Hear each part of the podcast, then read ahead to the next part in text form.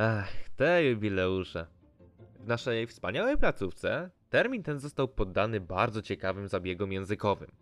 Jakkolwiek wyraża on rzeczy wzniosłe i uroczyste, tak w naszej społeczności urósł on, albo jak to woli, upadł do rangi błazna.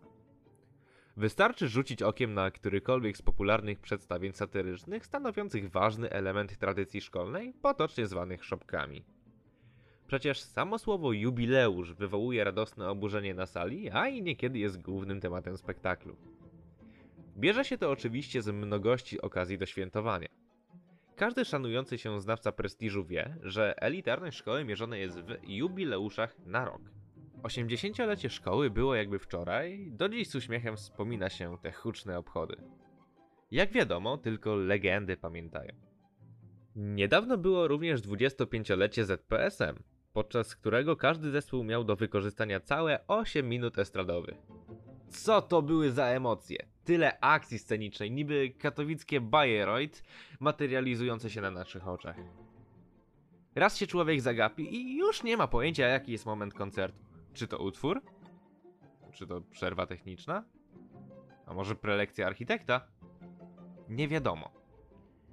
Warto tylko wspomnieć, iż ten koncert trwał 3 godziny, co jasno wychodzi z obliczeń.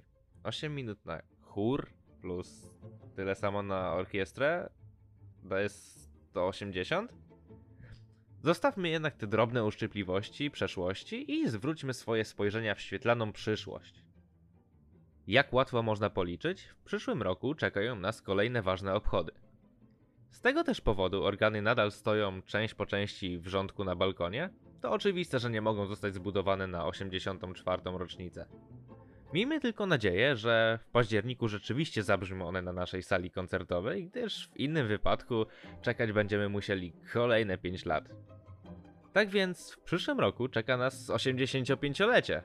Znaczy, tylko jeżeli przetrwamy najbliższy jubileusz orkiestry dętej.